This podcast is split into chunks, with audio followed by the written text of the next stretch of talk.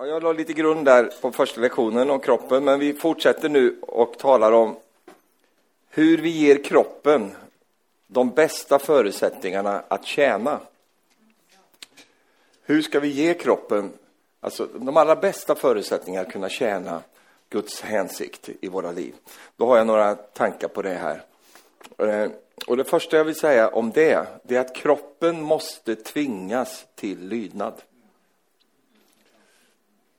Och det är Paulus som talar. Paulus är ju den egentligen som är, har mest att säga om det här. Men det står så här i första Korintierbrevet 9, vers 25. Så säger han så här, Paulus. Men alla som tävlar underkastar sig i allt hård träning. Det för att vinna en segerkrans som vissnar. Vi för att vinna en som aldrig vissnar. Jag löper alltså inte utan att ha målet i sikte. Jag boxas inte lik en som slår i tomma luften. Eh, istället, säger han, så slår jag min kropp och tvingar den till lydnad för att jag inte själv på något sätt ska komma till korta vid provet när jag predikar för andra. Eh, och i vers 27 där, istället så slår jag min kropp. Det är ju lite, det är ett ganska tufft ord där och det, ur det här ordet har det kommit väldigt mycket konstigheter. Eh, alltså inte på grund av ordet, utan man har dragit iväg med det. Till exempel i, i de, de, katolska, ortodoxa sammanhangen, där menar man att man, man gör det fysiskt, man slår sig själv helt enkelt.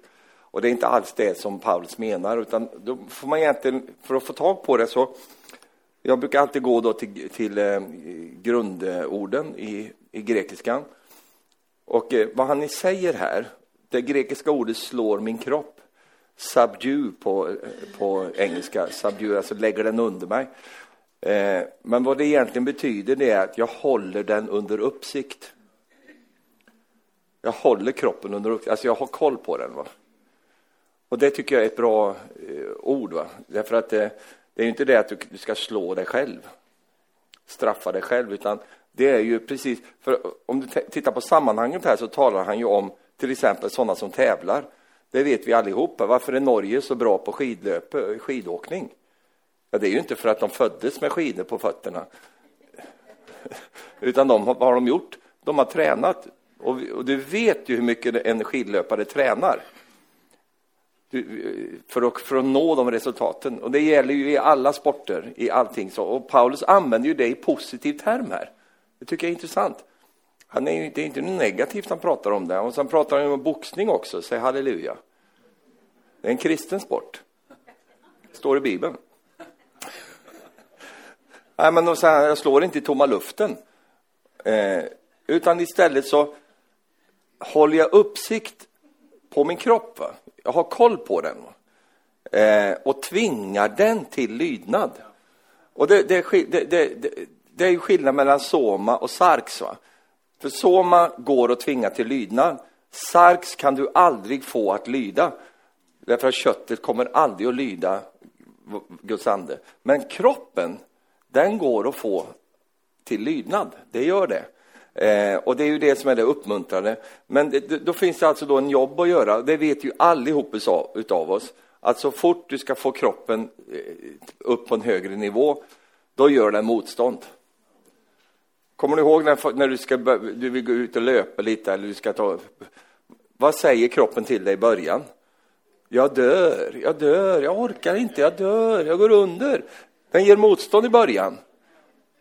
Men om du fortsätter så kommer den till slut att lära sig den lydnaden och sen efter ett tag så kommer den att säga, ska vi inte gå ut idag? Det är fantastiskt. Ja, men du, du har glömt promenaden idag. Jag vill ut och gå, säger kroppen, för att den har kommit in i lydnad.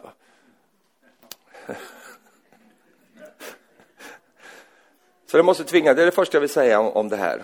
Eh, det andra, hur vi ger kroppen de bästa förutsättningarna, det är så, håll den under uppsikt, se till att den får rätt, rätt information, se till att, att, att, kom ihåg, kroppen ska inte leda, den ska tjäna.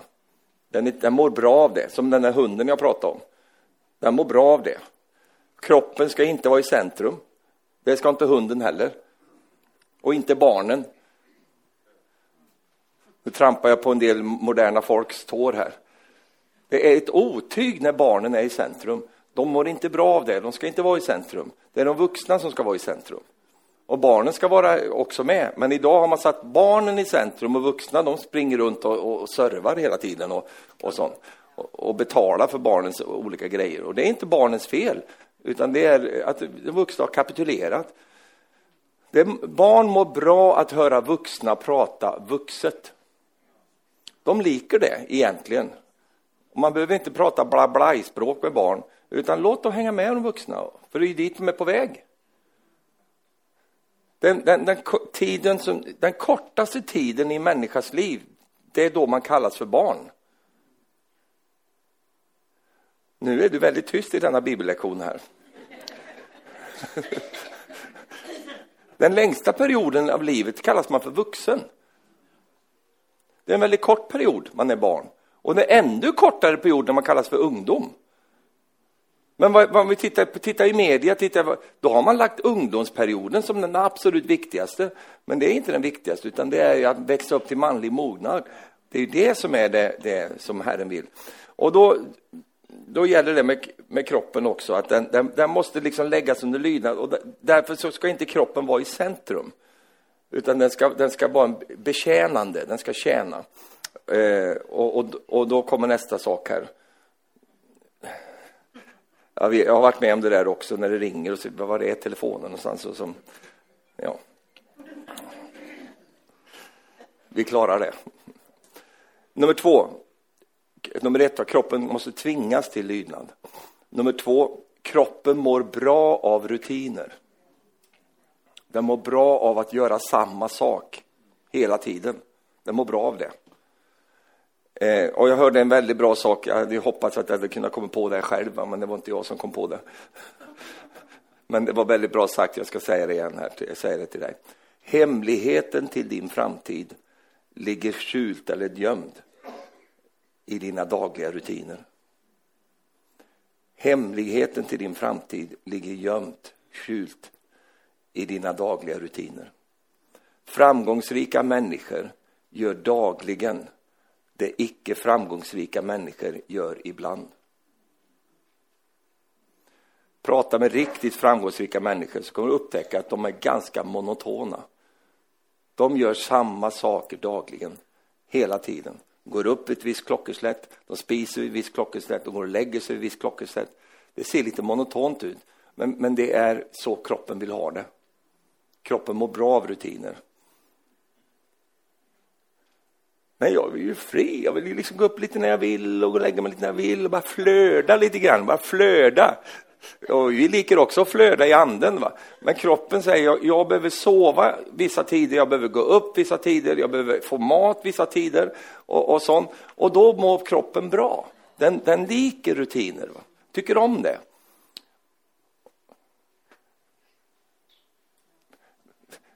Jag undrar lite hur det här faller ut, den här undervisningen. Men, men eh, vi pratar ju om kroppen nu och, och eh, den mår bra eh, av att man har dagliga rutiner helt enkelt. Som man gör dagligen. Det här gör jag varje dag och gärna på samma klockeslätt. Inte liksom eh, när man känner för det. Känner vi för lite mat, matgumma, det är därför vi blir, vi blir så feta, va? för att vi, vi spiser vid fel tid. Va?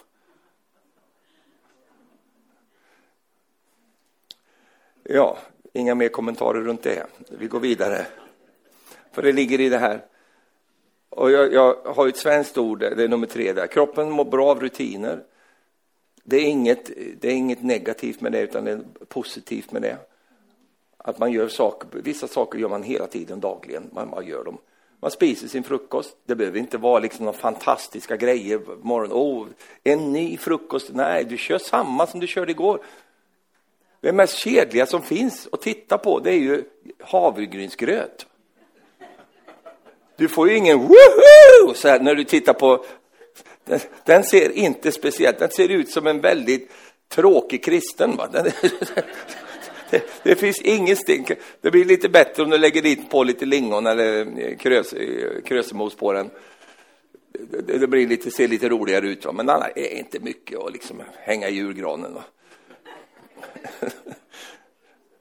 Men det, men det, det finns ting som är, det, det, är liksom nyttigt för mig, för vi var ju inne på det ordet, va? Allt, allt är tillåtet men allt är inte nyttigt. Men så finns det saker som är nyttigt. Och, och jag har ju märkt att det nyttiga kan se kedligt ut alltså. Men det bringar inte ett kedligt liv, utan det bringar ett, ett härligt liv som gör att kroppen kan vara med och vara den där tjänaren. Och det kommer det här, vara den tjänare som kroppen egentligen vill vara. För jag har upptäckt det att min kropp tillhör Gud och den vill i grunden tjäna Gud. Det är bara det att jag har ju styrt med den här kroppen och ödelagt den så mycket och lagt in så mycket begärelser i den som gör att den får problem, för den, den, den är förvirrad helt enkelt. Men om den kommer under helgelse så kommer du upptäcka att min kropp vill tjäna Gud. Den, vill, den säger stå upp och prisa Herren. Halleluja. Det gör inte min kropp, säger du. Nej, Nej, därför att det kanske, han kanske inte har fått sina rutiner. Va? Han kanske inte har, fått, har inte jobbat med de sakerna eh, och, och, och sånt. Utan köttet får tillåtelsen istället att regera i kroppen. Och det är klart att då blir det ju vad det blir. Men kroppen i sig själv vill i grunden följa Gud. Va? Det tredje jag vill säga om det här med hur vi ger kroppen bästa förutsättningarna, det är på, på svenska då måttfullhet. Alltså, det är ju på norska tror jag moderation eller sånt där. Men måttfullhet säger man på svenska. Va? Må måtehåll. Mm. Måtehåll. Jag håller i måte. Mått, måttfull. Måttehåll. Ja, då, då förstår alla vad jag pratar om. Okej, okay, måttfull. Måttfullhet är nyckelordet för allt du gör med kroppen. Du kan i stort sett spisa allt, för det säger Paulus. Ni kan spisa allt som säljs i köttboden. Ni kan spisa allt, men gör det med mått, måttfullhet. För måttfullhet är att jag kan spisa i stort sett allting, men jag gör det med måttfullhet. Eh, och, och, eh, och det har vi ju också en andens frukt som, som pratar om det här i Galaterbrevet 5, vers 22. Det är, det är kärlek, glädje, fri, tålamod, vänlighet, godhet, trohet, mildhet, självbehärskning. Att jag bara kan säga till, till kroppen att okej, okay, nu har vi spist tillräckligt, nu blir det inte mer. Och då i början har du ju en liten rebell där va. Som säger till jo, jag vill ha en kaka till. Nej, vi håller igen lite grann här nu. Måttfullhet är nyckelordet. Och alla de här sakerna jag pratat med om, rutiner, måttfullhet, det låter ju kedligt, jag vet det. Men det blir inget kedligt liv av det. Utan det, det, finns andra områden där vi kan vara väldigt passionerade. Till exempel att älska vår nästa och, och att ha, ha dem. Där kan du ha hur mycket överflöd som helst. Men när det gäller kroppen så behöver den de sakerna för att kunna bli sund. Va? Och eh, det är sundhet vi eftersträvar och eh, måttfullhet är nyckelordet. Så det betyder att måttfull när det gäller att spisa, man är måttfull när det gäller att sova, man är måttfull när det gäller att träna och sådana saker. Måttfullhet. Va? Därför att kroppen mår inte bra av, till exempel de här elitidrottarna, till exempel. Det är inget bra exempel för dig och mig. För de här elitidrottarna de, sliter, de får sådana problem med sina kroppar när de blir äldre. Därför att de har över, eh, eh, övertränat sig. Så det är inte ditt och mitt exempel. Ditt och mitt exempel är att vi ska hålla hela livet och att kroppen ska vara glad hela livet. Amen. Och därför finns det en motion som du kan syssla med i stort sett hela ditt liv. Och det är Jesu motion. Jesus, han var också motionär, vet du. Och det står om honom att han vandrade omkring i hela Galileen.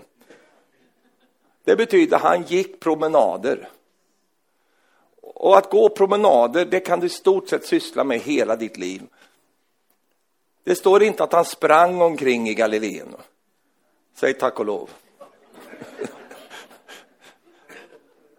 Han, han, han, han åkte aldrig Vasaloppet. Va? Han, han höll inte på med de grejerna, men han höll på. För han levde, han var måttfull. Va? Det betyder att han, han, han gjorde ting på, på, den, alltså, på ett moderat sätt. Och, och det tror jag är, en, är hemligheten och också nyckelordet. Därför att var och en av oss, vi får ju sådana här idéer ibland. Du kanske har gett upp det, men eh, lite tidigare i livet så fick du idéer. Va? Nu ska jag träna, nu ska jag bygga upp kroppen, nu ska jag... Oh, så här. Och så tog du i så, så du gjorde på dig. Och, och, eh, och, sån, va? och så blir du så skuffe, för det här funkar inte. Det funkar en månad, för du orkar inte hålla det tempot där. Och eh, min undervisning till dig och till mig också, det är ju detta. Vi ska hålla på med sånt som, som vi klarar av för resten av livet.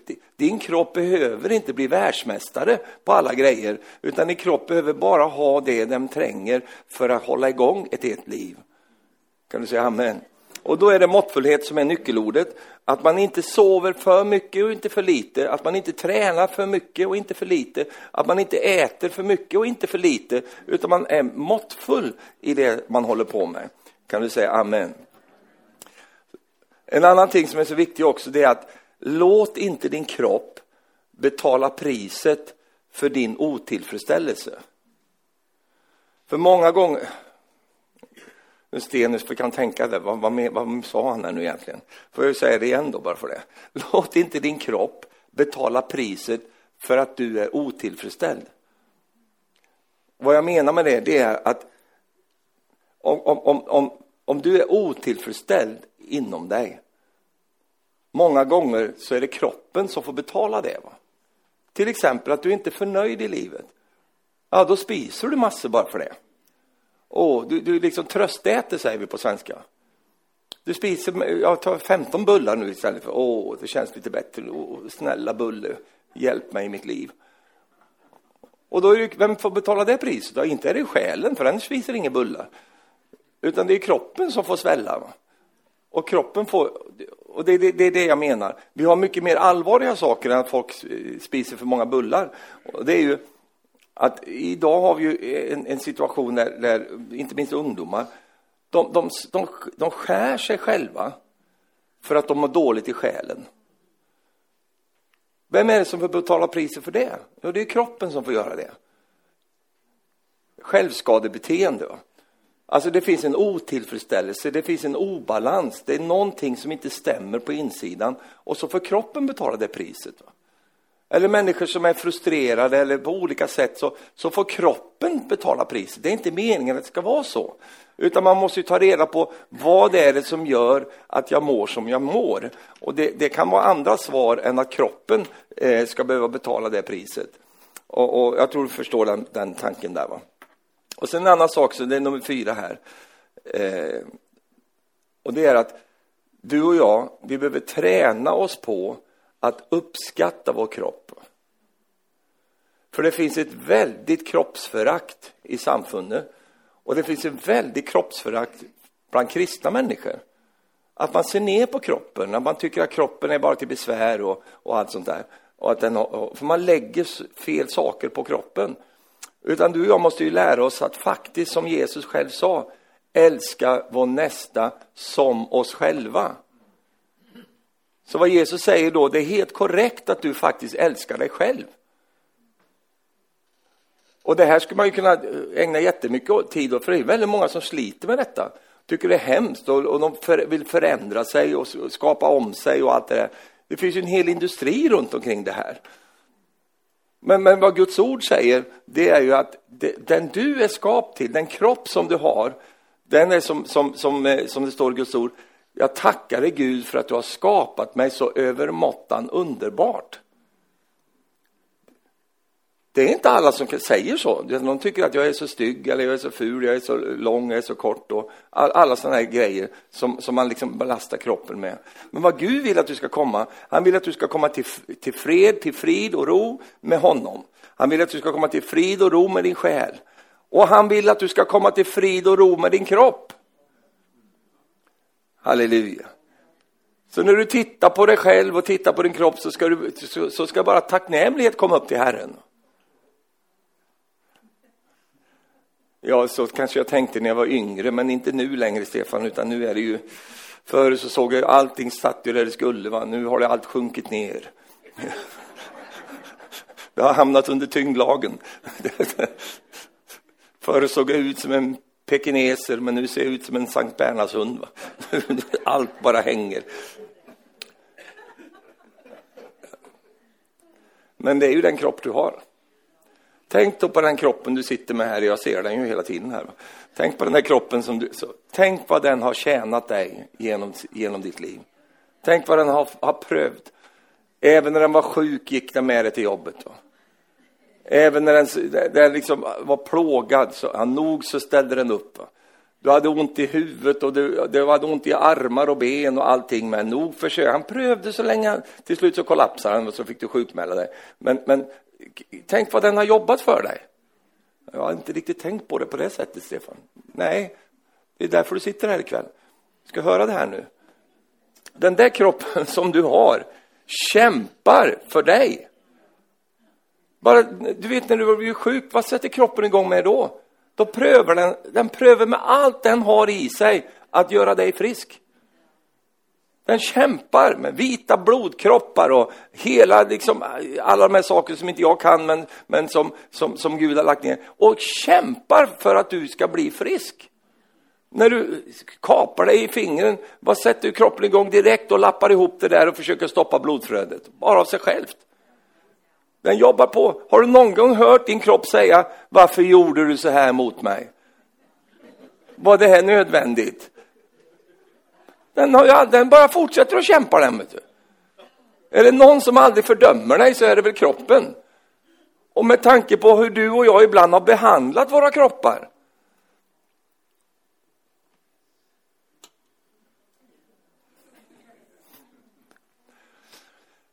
Lär dig att uppskatta din kropp. Det står så här i Efesierbrevet 5, vers 28. På samma sätt är mannen skyldig att älska sin hustru som sin egen kropp. Den som älskar sin hustru älskar sig själv. Wow!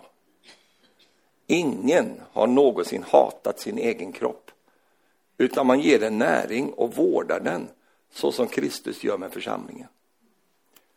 Hur behandlar du din kropp? Om Kristus är vår, vår role model, hur handskas han med församlingen? Jo, han älskar den och utger sig själv för den. Och då använder Paulus bilden om kroppen här. Han säger så här att, att en som älskar sin fru älskar sig själv. Därför att vi, vi, vi, vi hatar inte vår egen kropp, vi ger den näring, vi vårdar den. Gör vi det?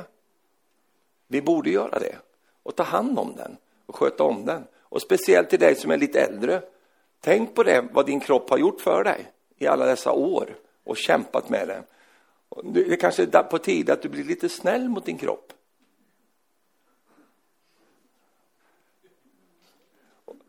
Så att du slutar att inbilla dig att du är 20 år.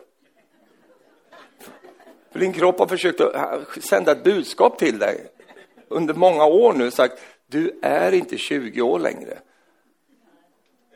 Om du undrar varför dina korsband och knäskålar bara ramlade av dig när du var ute och spelade fotboll härom sistens med dina barnbarn. Och du tänker, vad hände med dem? De ligger på backen här, de här knäskålarna. Vart tog de vägen någonstans? Det är ju kroppen som säger, jag springer inte en meter till nu.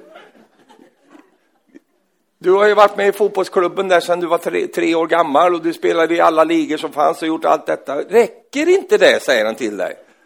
Måste du imponera nu på dina barnbarn att du är så fantastiskt duktig på fotboll? Du är ju inte det längre.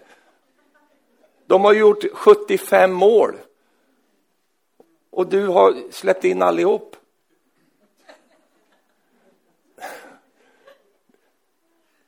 Lyssna på kroppen. Jag tror faktiskt att det är visdom ifrån Herren. Lyssna på kroppen, därför att den har något att säga dig. Den är inte din fiende. Faktum är att den är din, din bäste vän. Den kommer att vara med dig ända tills döden skiljer er åt. Den kommer att gå med dig hela vägen ner i graven. Va? Den kommer aldrig svikta dig. Aldrig. Den är med dig där hela tiden. Ja. Och det är därför som det är så obehagligt med, med, med religionen som sätter sin ära i att göra kroppen till fiende. Va? Och plåga kroppen och ödelägga den. Därför att man vill egentligen komma åt köttet, men man attackerar kroppen. Och det är inte Guds väg. Så träna dig att uppskatta din egen kropp. Halleluja. Se det som en synd när du talar ner din egen kropp. För det brukar bita. Att säga att, ja, men nu, för att man syndar med sin egen kropp, det är att man säger att Gud, du gjorde ett dåligt jobb du. De här öronen, vet du. Vad tänkte du på när jag fick dem? Somnar du en liten stund där eller? Och sen blir min näsa till. Nej, Gud gör inga misstag. Och den enda eh, an, orsaken till att vi, vi har sådana komplex, det är att vi använder fel spegel. Vi tittar i världens spegel. För så här ska man se ut i världen. Då ska man vara på det här sättet. Och det där ändrar ju på sig hela tiden. Så det kan ju vara lite olika. Förr i tiden så skulle man vara så tjock som möjligt och nu ska man vara så tunn som möjligt. Det beror på vilken tid du är född i eller vilket land du kommer ifrån. Åk ner till Indien, där kan du inte komma som en liten tråd. Va? Den där ska du vara bastant. Då är du välmående. Vet. Men du vet ju hur, hur de här idealen formas och det är ju offren är ju ungdomarna. Det är ju de som, som för du har ju kommit till någon slags insikt att det går inte att ändra på det där. Det är vad det är. Men det, det, är inte bara det att Gud vill att du ska acceptera din kropp, utan Gud vill att du ska faktiskt, som Jesus säger, du ska hedra din far och din mor. Du ska älska din nästa som dig själv. Det är ett ganska kraftigt ord det där. Och jag menar ju inte att vi ska gå omkring och ha en sån självupptagenhet, det är inte det jag pratar om. Utan ett sunt bara, tack Jesus, för att jag är den jag är. Jag är skapt övermåttan underbar, precis som Adam. Halleluja, du gjorde ingen dålig jobb med mig. Vet du, jag har ju så korta ben, det har jag pratat många gånger om. Du ser mina fina ben här. De är korta. Mamma kallade mig för stubben när jag var liten. de, de, de växte inte. Eh, jag har korta ben. Och jag tyckte de var så förfärligt jobbigt med så korta ben. För att man, man, man ja, jag gillar dem inte. Men så hade jag ju Marie på andra sidan Sverige, där vi, som växte upp. Hon tyckte hon hade för långa ben. Hon var lite, vet man, man är liten så. Hon jättelånga ben. Så hon bad en enkel bön, va? så bad hon till Jesus. Käre Jesus, ungefär som Tjorven. Käre Jesus, ge mig en man med korta ben. Så att våra barn får lagom ben. Och du har ju sett Marie, hon är så vacker tycker jag i alla fall. Och, och, och, så. och du vet att det är många som undrar hur, hur fick du henne liksom? Hur, hur lyckades du få ta på henne? Det är ju liksom skönheten och odjuret, va? hur fick du ihop det här? Och då kan jag ju bara peka så här va. Det är benen va.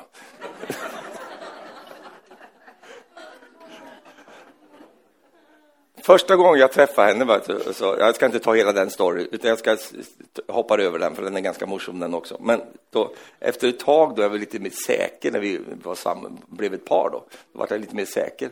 Då sa jag till Marie, Marie, du vet som vi gubbar står så. Vad var det som gjorde att du liksom Fatta tycke för mig då? Och så säger hon, bena. Så, Va, vad menar du? Ja, du hade så fina korta ben. De var jättefina. Ja, men överdelen då? Jag, jag tittar inte så noga där, så. Nej, det var kanske var tur det. Då. Det var dina ben, Stefan. Och så berättade hon det här för mig. När hon var liten och tyckte det var så pinligt med så långa ben. Och så ville hon ha en... Så berättade den här storyn för mig. Då. För jag tyckte det var så gripande, för här hade jag ju gått hela min uppväxt och tyckt de här benen, va? de här korta grejerna, fy alltså, gå omkring och släpa på dem, det var jobbigt. Så insåg jag, hade jag inte haft de benen så hade jag ju aldrig fått Marie.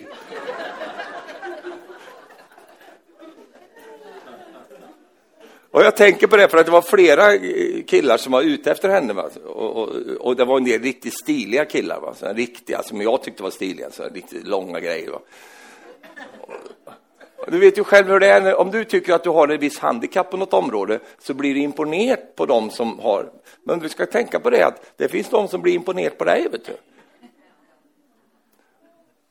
Och då tänker jag på det, de var, de var ju mycket bättre liksom för henne egentligen, men hon föll för mig. va. För jag hade mina korta ben. Och då bestämde jag mig för, där bestämde jag mig för, jag ska aldrig mer säga ett ont ord om mina ben. Va? Aldrig mer, utan jag ska lära mig uppskatta dem istället. Åh, vad jag har uppskattat dessa ben. Varenda gång jag tittar på Marie, tittar på benen. Åh. Halleluja. Och sen har jag ju lärt mig vilka fördelar det är med korta ben. Jag var ute och flög med en, en broder, han har långa ben. Och han satt och knövlade där i flygplansstolen där, och han, han, han, fick ju inte in kroppen där för han hade så långa ben. Jag satt ju där, vet du, och inga problem, jag kan flyga hur länge som helst. Jag är som gjord för det här livet, halleluja. De har aldrig ställt till några problem för mig, de här benen. De är alltid med, kanon alltså. Men jag förstod en poäng där, va? Efter, när vi pratade om det där. Och sen har jag ju, det här har jag ju berättat jättemånga gånger, den här berättelsen. Och sen har jag ju berättat alla sidor av den också. Överallt jag varit på, i världen så har jag predikat om det här. Och jag var i Indien, vet du, för där har de mycket komplex. Va? Så jag var i Indien och talade om det här, gjorde mig själv liksom till, så de kunde skratta åt mig då. Eh, och, så. och du vet att det pratar de om än. Va? Det är ju jättelänge sedan som jag var där. Och så hörde jag, de kallar, för då säger jag då på engelska short legs. Va? Och då, my mother called, called me shorty. Så. Och så, går hallå, Mr Shorty. Oh, Mr Shorty. Det gjorde de en hel grej av det där. Och jag såg ju då när jag talade om det här, för att där finns det väldigt mycket förakt för, för både kroppar och allt. Då såg jag hur, hur befriade de blev över detta. Att det faktiskt är så att för då brukar jag ju ta punkten över till dem. Så här, du kanske sitter här och tycker att din näsa är liksom som en elefant va, och förfärlig. Men det kanske bor en på andra sidan Indien som ber på sina bara knän just nu. Åh Gud, ge mig en man med en elefantnäsa. Åh Gud. Istället för att se det som ett problem, se det som en möjlighet. Du har klagat på dina öron så länge och, och sådär och du håller på där. Men de där öronen är ju helt unika. Va? Tänk, du kan bara vifta med dem, det var en frisk vind bara sveper genom lokalen. Det är fantastiskt. Se det som en möjlighet. Och gå, käre Gud, ja, det kan man också säga. Gå inte till någon sån här eh, makeover. Va? Så, så, titta hur det är med de här människorna som inte är förnöjda med sig själva. Så går de och lägger sig under kniven och så, så skär de bort och så förstorar de och förminskar de och tar bort och, skär, och lyfter upp och lyfter ner och då, hur de håller på alltså. Och det genomgående draget med alla de här, det är att de aldrig blir förnöjda. De måste ha större byst, mindre byst, större byst, mindre byst. Fram och tillbaka, fram och tillbaka. Ja, någon som säger ja, kvinnfolk kvinnfolk. Det är ju karar som håller på med sånt här också. Men jag har aldrig hört någon som vill ha kortare ben. Det har jag aldrig hört, men, men det, kan, det kommer säkert det också. Och det, det, det där, alltså, ja. Det låter ju lite morsomt, och det är ju morsomt också, men det är ju också väldigt tragiskt samtidigt, för att vi vet ju att det finns en allvarssida i det här. Och allvarssidan är ju att industrin benyttar sig av detta att människor är så, så liksom upptat, eh, upptagna av eh, hur de ser ut och de är inte förnöjda med detta. Men evangelium, Guds ord säger, uppskatta dig själv. Jag hade önskat att det hade sett annorlunda ut.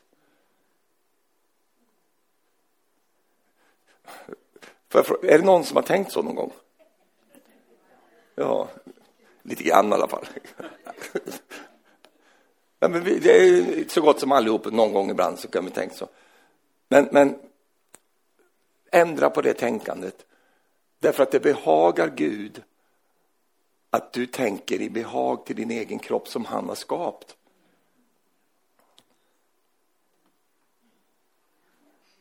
Och din kropp är vacker. Nej. Jo, den är vacker. Den är vacker inför honom. Ja, men Stefan, jag är ju, ser ut som ett russin. Va? Ja, men det, du gör som pingstvännerna. Dra upp en pingstknut här, bara dra upp. Så får du upp alltihop. Det är därför de är så släta och fina. De har ju pingstknuten. Det var ju lösningen på alltihop. Det finns väl inget vackrare än händer som börjar bli lite åldrade. Det finns väl inget vackrare än att titta på, på sådana händer. Som, som talar om ett helt liv i, i, i någon form av yrke. Va? Nu, nu, nu tappar jag folk här för att prata om pingstknutar. men, men det finns inget vackrare än att åldras inför Gud. Va? Och någonstans måste vi acceptera, inte bara acceptera, för det, det, är, det är för lågt tycker jag. Inte bara acceptera, utan lära sig att älska den Gud har skapat den till. Det finns en väldig befrielse i det. För då slipper jag gå omkring och tänka att jag skulle sett ut som honom. Jag skulle varit som henne. Oh, jag skulle, så, du slipper du gå runt och tänka så. Utan du tänker halleluja. Jag har korta ben. La, la, la, la, la. Därför fick jag Marie. Halleluja. Amen. Okej. Okay. Så tränare på att uppskatta din kropp. Nummer, oj, oj, oj. Nummer fem. Hitta din rytm och håll dig till den. Och sammanliknar inte med andra. För att du är konstituerad på ett visst sätt. Och, och finn ut vad som är din rytm för din kropp. Och det här har jag hämtat ifrån Let's Sumrall när Ulf Ekman var så imponerad över honom, för han, han höll ju igång så våldsamt och sådär. Och så sa hur orkar du med det här, säger, säger Ulf till honom. Och då säger han så här till honom med visdomsorden, så här, då var han ju en gammal man då. Då säger han så här, jag har funnit min rytm och jag håller mig till den. Och så tittade han på Ulf och så sa han så här, det betyder inte att du ska göra som jag gör, utan du måste finna din rytm och så håller du dig till den. Och det där berättade Ulf för mig och det tog jag till mig själv. Det där, att finna sin rytm och hålla sig till den. Det betyder att jag kan inte sammanlikna mig med andra därför att de har sin rytm. Men om din kropp kommer in i den rytmen som passar dig, det betyder att du kanske måste sova lite längre än andra, lite kortare. Du kanske, det, det får du finna fram själv. För man kan inte bara lägga ett diagram på, över alla, vi är alla olika. Finn din rytm och håll dig till den. Så kommer du hålla hela livet. Kan du säga amen? Och sen nummer sex. När kroppen är i harmoni med själ och ande så fungerar den som allra bäst. När det är harmoni med själ och ande fungerar den som allra bäst. Det finns fem saker som en, en människa behöver för att ha harmoni. Och det är nummer ett, hänsikt. Kom ihåg hunden där. Måste ha mening med livet. En hänsikt, någonting jag, som, som, får mig att stiga upp på morgonen. Jag har en hänsikt, jag har en uppgift, jag har någonting jag behöver. Sån. E, e, din kropp behöver det, att jobba utifrån. Och det andra är arbete. För att komma i harmoni måste vi också förstå att arbete är bra. Bevegelse, rörelse. Nummer tre, vila. Jag tar allihop lite snabbt här. Vila. Nummer fyra, lek. Nummer fem, kärlek och fällskap. De här fem sakerna, de, de måste finnas för att det ska vara någon harmoni i en människas liv. Du kan inte bara ha arbete. Och du kan inte bara ha vila. Och du kan inte bara ha den allvarssidan. Det måste finnas lek i ditt liv också. Och leken, bara för att tala om den, leken ändrar sig över tid. Men den ska alltid finnas i ditt liv. Och vad är lek för någonting? Ja, det är inte att du sitter i sandlådan och håller på och kastar, nej. Utan det är ju att det finns saker i ditt liv som, som, som liksom, det gör någonting med dig. Det är inte någon viktig sak, det förändrar inte världen, det är liksom sån, men det är någonting som gör att det, det, det skapar ett välmående hos dig. I religionens värld är det ju tabu med lek, där får man ju inte leka, det ska se ut som en gravallvarlig typ hela tiden. Men du vet att i Guds värld så kanske om du leker att samla på tåg, alltså modelltåg, det är helt okej. Okay, va? Jag har mina grejer, du kanske vet vad det är för någonting. Maria har sina grejer och sånt. Och du, du har ditt. Det här tycker du är, är liksom, det, det, det är någonting som går utöver arbete. Det går utöver allt. Det, det, finns där. Leken är viktig i en människas liv därför att den förgyller tillvaron. Och, och, det är ingenting som Herren vill ta bort ifrån dig utan det är någonting som Herren vill välsigna i ditt liv. Så leken är viktig. Och så kärleken och fällskapen, arbete, vila och hänsyn. När de här sakerna kor korrelerar med varandra, de, de harmonierar med varandra. Vet du vem som kommer att må väldigt bra av det? Det är din kropp. Den kommer att trivas över det. Därför att din kropp mår inte bra av, Jag håller på att säga att inte mår bra. Den mår inte bra av att sova jämt. Den mår inte heller bra av att arbeta jämt. Det är harmonin som jag är ute efter här. Det är att sakerna spelar tillsammans. Halleluja. Och din kropp kommer att säga till dig när du arbetar för mycket. Den kommer att tala om det för dig. På olika sätt kommer den tala om det. Lyssna på den. Och din kropp kommer också säga till dig, jag tror du har sovit tillräckligt nu. Du behöver inte sova mer nu. Jag kommer att tala med dig. Lär dig att uppfatta språket som kroppen har. Amen.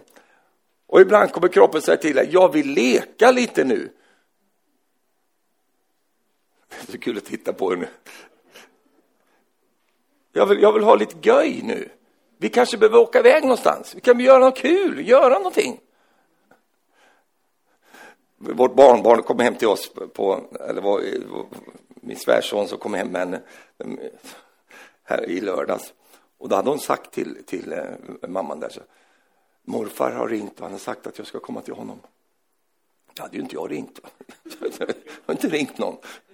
Och så kommer han ju då så jag har eh, morfar, Luna heter hon. Eh, Luna sa att du ringde och så ville komma och leka. Jag har inte, nej, jag har inte ringt till någon. Och så började vi förhöra henne lite grann. Då, och det var mormor, alltså Marie då, som pratade med henne. Jag låg, inne, jag låg och vilade. och så jag hör den här konversationen där uppe. Och så säger Marie, går hon ner till mig, så, har, du, har du ringt och sagt att Luna ska komma hit? För jag hade haft de andra ungarna hela dagen. Nej, jag har inte sagt någonting. Och så, säger, så går hon upp till Luna, eh, hur, hur var det här egentligen? Hur, hur, hur, hur kom du hit? Har morfar sagt det? Ja, ja. Då börjar hon ju svaja lite. Och då hör jag hon säga till mormor. Mormor, vi släpper det där nu. Vi släpper, hon är bara fem år, vi, vi släpper det där nu. Låt oss ha lite kul istället. Släpp det där nu, vi har lite kul nu mormor. Och då tänkte jag på det när jag, när jag hörde det, tänkte jag, ja men så där. Ibland så säger, säger kroppen ifrån, va? Säger, släpp det där nu, nu har vi lite kul. Va? Och jag kan ju säga det till dig för att du är en allvarstyngd människa som, som vill göra saker. För en del vill ju bara ha kul. Va? Och vi bara lattjo låda hela tiden. Va? Men du vet att det är inte det jag menar. Det är harmonin som är poängen här. Det är helheten. Jag har lärt känna genom mitt liv många gudsmän. Och det har varit väldigt kul. Alltså, inte bara i Sverige, utan eh, internationellt. Och jag är en sån där som studerar folk, va? så att jag kollar, studerar dem lite grann. Och, för, och sanna gudsmänniskor är glada människor. De är jätteglada. Och vet du vad, de är glada över allt möjligt. Och vet du vad, jag har upptäckt att sanna gudsmänniskor, de har intressen. Som inte bara är att läsa Bibeln och be i tungor.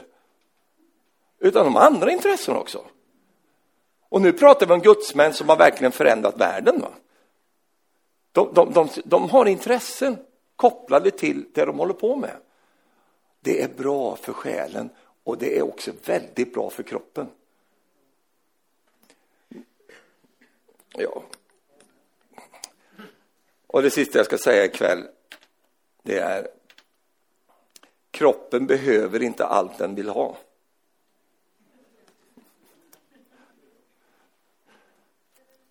Har du hört din kropp ropa på efter saker och ting? Men jag har lite tips här. Den behöver inte allt den vill ha. Och då går det tillbaka till det här som vi har pratat om tidigare med, med kroppen som andens tempel. Där Paulus säger allt är tillåtet för mig, allt är inte nyttigt, allt är tillåtet för mig, men jag ska inte låta någonting ta makten över mig. Och, och så säger han vidare också i första Korinthierbrevet 10, vers 25. Allt som säljs på torget kan ni äta utan att ställa någon fråga. Köttboden står det i en gammal översättning. Va? Det kan ni äta. Till jorden allt som uppfyller den tillhör Herren. Och, och så har han en hel utläggning där om vad, vad, vi kan äta och inte äta, att vi inte, vår frihet vi inte ska dömas av någon annans samvete och allt det här.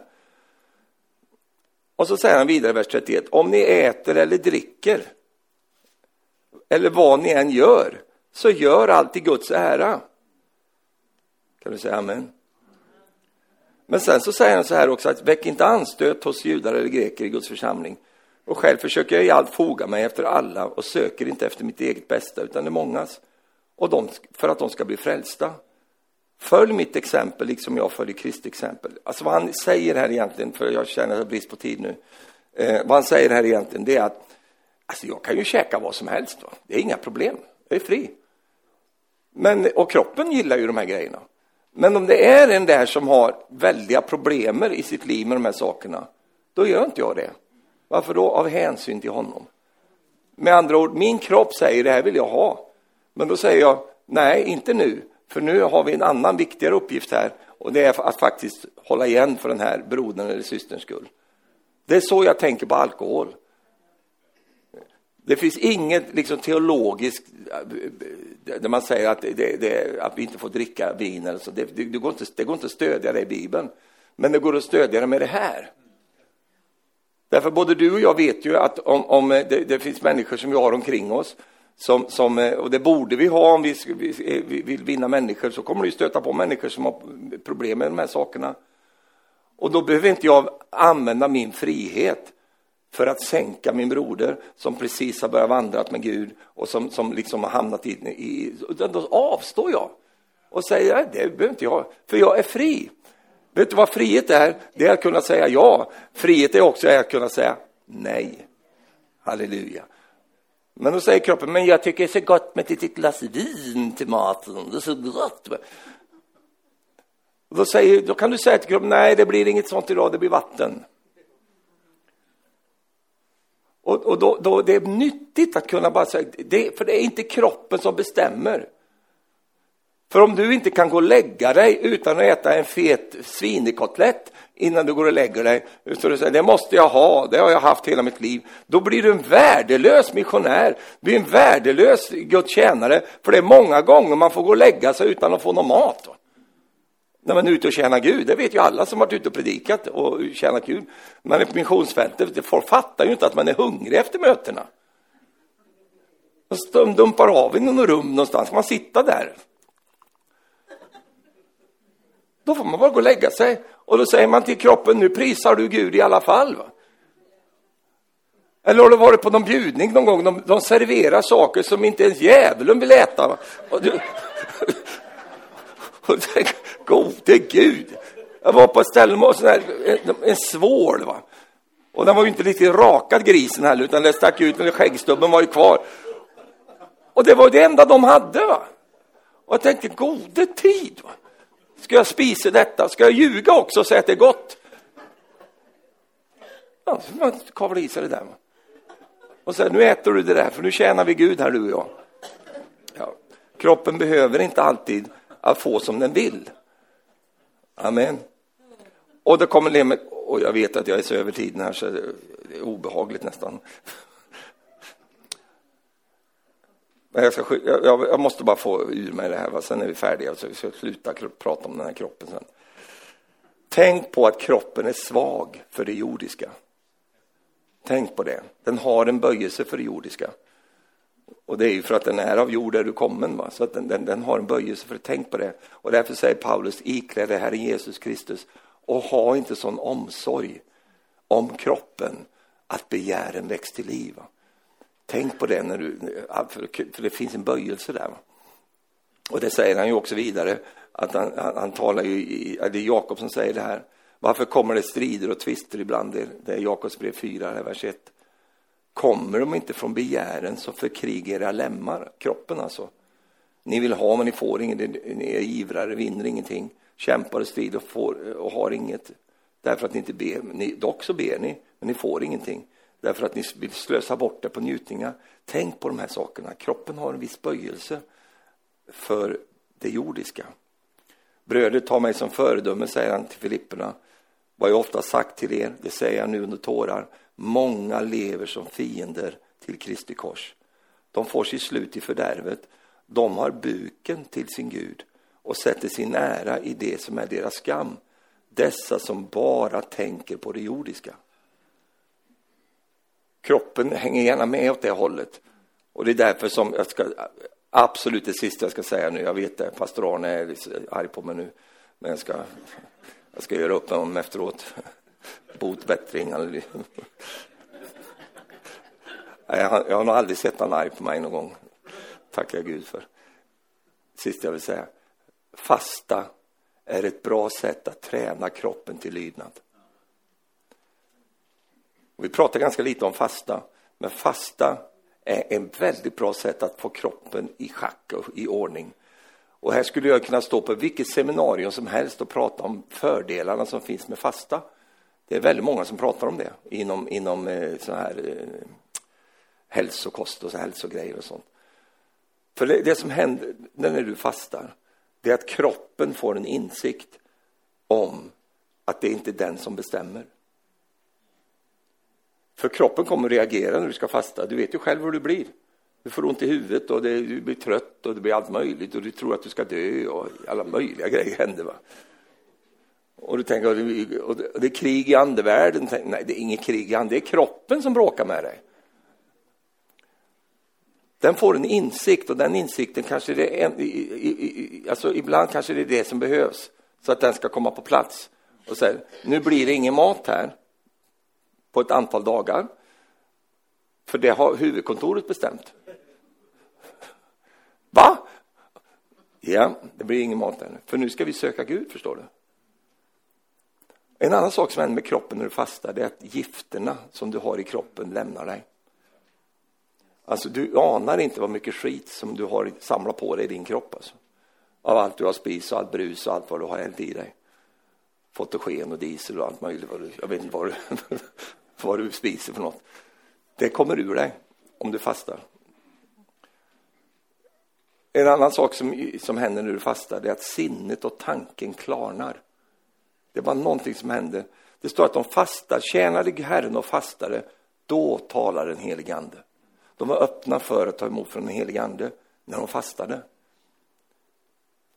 Jag fick ett tips om en ung predikant sa att när du känner att salvelsen lite grann går neråt sådär, va? att du känner, kan känna det ibland. Fasta några dagar och sök Herren så kommer den tillbaks igen. Så det var någonting med att man får liksom rätta upp saker i sitt liv. Och sen, kanske det primära, det är att du får tid över till bön. När du inte behöver tänka på mat. För jag bara, medan jag sa det så tänkte jag själv, hur mycket tänker man på mat egentligen? Jag tänker lite mat nu faktiskt. ja, vi tänker rätt mycket på mat. Det första man säger, vad ska vi äta idag? Inte liksom, vad ska vi be om idag? Nej, vad ska vi spisa idag? Vad blir det till efterrätt? Ska vi ta en liten spis? Ska vi spisa lite gumman efteråt, efter eh, ikväll? Det är mycket runt mat. Om jag fastar, tänk vad tid jag får över att tänka på bön och söka Herren och allt detta. Halleluja. Och jag vill bara avsluta nu ikväll och säga till dig, om du känner att, att det här har du inte kommit in i. Va? Och jag är så glad för vår menighet och allt det här som vi står i här. Eh, därför att här håller vi inte på att fasta för att imponera på Gud. Du kan aldrig bryta arm på Gud. Det går inte. Han bryter din arm. Du vinner inte. Det är, jag ska fasta tills nu ska jag ha nu. Det, glöm det. Det är inte därför vi fastar. För vi har redan fått klart från Herren. Så det är inte därför vi gör det, utan det är, det är ju för att få, få sakerna i, i, i skick i våra liv. Och om kroppen spökar för mig att den tar över och allt detta, så är det ett bra sätt att få, få styrning på den Genom att bara tala om för den, nu ska du veta det, det finns en ny kung i ditt liv. Och det är inte svinekotletten, utan det är din ande. Och din ande säger nu, nu ska vi fasta här. För nu ska vi söka Gud. För vi ska in i en ny tid, vi ska in i en ny säsong. Vi ska, vi ska gå med Herren. Och då kommer kroppen och gensvarar och säger, det vill inte jag. jag är du, en del blir ju hungriga bara de börjar tänka på fasta. Och då finns det olika typer av fasta som inte jag går in på nu. Men, men bara det att börja tänka, vända vid tanken. För att det, det, dels är det bra för hela din kropp att göra det. Men sen är det också bra för allt andra som jag har sagt här. Och, och, det är ett bra sätt för kroppen att få komma till i det den ska vara. Som nyfrälst så lärde jag mig att fasta och jag är så tacksam till Gud för det, att jag, jag fick börja med de sakerna redan från början. Därför att eh, över tid så här så, jag fastar inte jätteofta, men när jag fastar så, så, så är det för att jag vet att det är bra för mig att göra det. Det, det är bra på många sätt. Och, och, och, när jag fastar så fastar jag inte så länge. En tre dagar så räcker ofta. Jag har fastat långfaster också. Men, men jag vill inte göra det för ofta. Eh, därför att det, det, det tär mer på kroppen när du fastar en 40 dagar. Så där, då, då, det, det, ska man inte göra för ofta. Men tre dagar är inga problem. Din kropp tar ingen skada av tre dagars fasta. Det är, det är bara bra för den. Halleluja. Det blir billigare också. Bara där har du minst. Du säger, jag har så lite pengar den här månaden. Kör en fasta nu, passa på, vet du. halleluja. Underbart. Säg tack gode Gud för att jag är skapad. Så underbart. Till ande, till själ och till kropp. Och så tittar du på din kropp lite grann. Och så säger han, Under, underbara kropp. Jag gillar dig. Halleluja. Amen. Gud välsigne. Tack för att ni kom ikväll. Nu är vi färdiga med ande, själ och kropp. Vi har en, vi får se lite hur det blir här framåt, men, men jag vill gärna också komma in och kunna tala om att vara ledd av Guds ande i din ande. Det är ju själva huvudpoängen i allt det här. Eh, tänk att vi kan vara ledda av Guds ande. Höra från Gud i, i din ande lära dig fånga upp tilltalen och lära dig vara styrd av den helige Ande, ledd av den helige Ande. Precis som Paulus säger, den som är ledd av Guds ande är Guds barn. Att vi får leva där. Va? Så det hoppas jag att vi får till och det får vi. Halleluja.